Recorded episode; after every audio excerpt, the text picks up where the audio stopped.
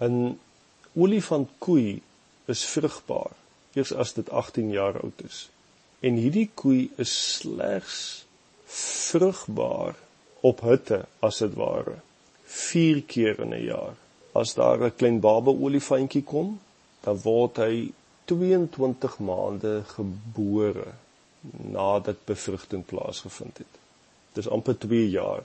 Dit beteken as jy 'n bul en 'n koei olifant spaar het, dan het jy na 2 jaar 3 olifante bymekaar.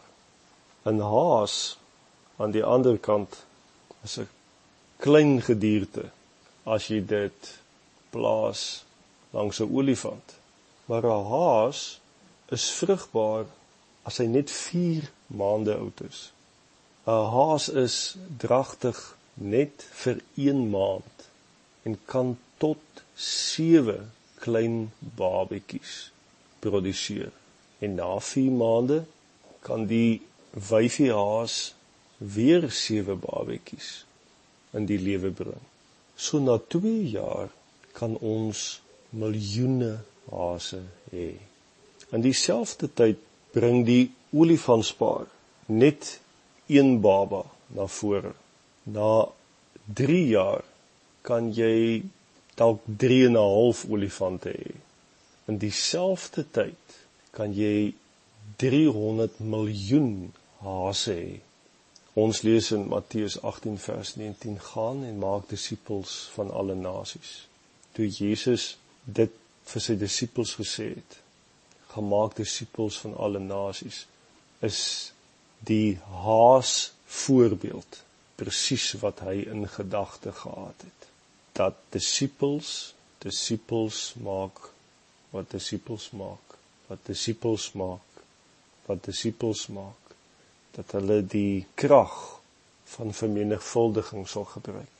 En daarom is dit ongelukkig duidelik hoekom die wêreld lyk soos hy vandag lyk.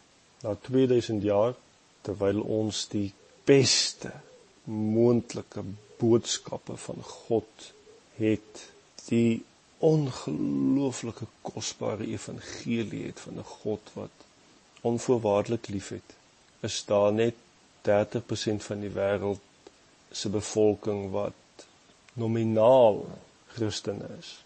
Die waarheid is kerke, veral die tradisionele kerke, oor die algemeen groei geensins nie of hulle groei baie stadig want dit is net die dominee of die pastoor of die sendeling of 'n paar ander wat betrokke is in die verspreiding en oordra van die evangelie, die deel van die evangelie.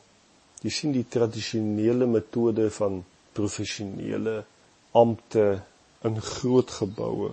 Hulle kan alleen klein getalle een vir een byvoeg. Jy kan hulle olifant kerke noem.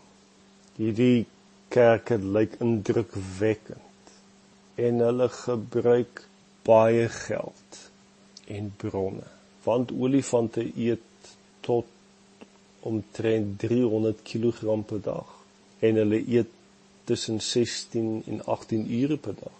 Maar hulle kan net een baba olifantjie produseer elke 2 jaar. Maar 'n haas kerkmodel is klein, eenvoudig, nie indrukwekkend nie, maar hulle kan maklik en konstant vermenigvuldig. Die vraag is as jy na jou eie gemeente kyk, is dit 'n olifantkerk of is dit 'n haaskerk? En hoe dink jy waarna nooi Jesus jou uit?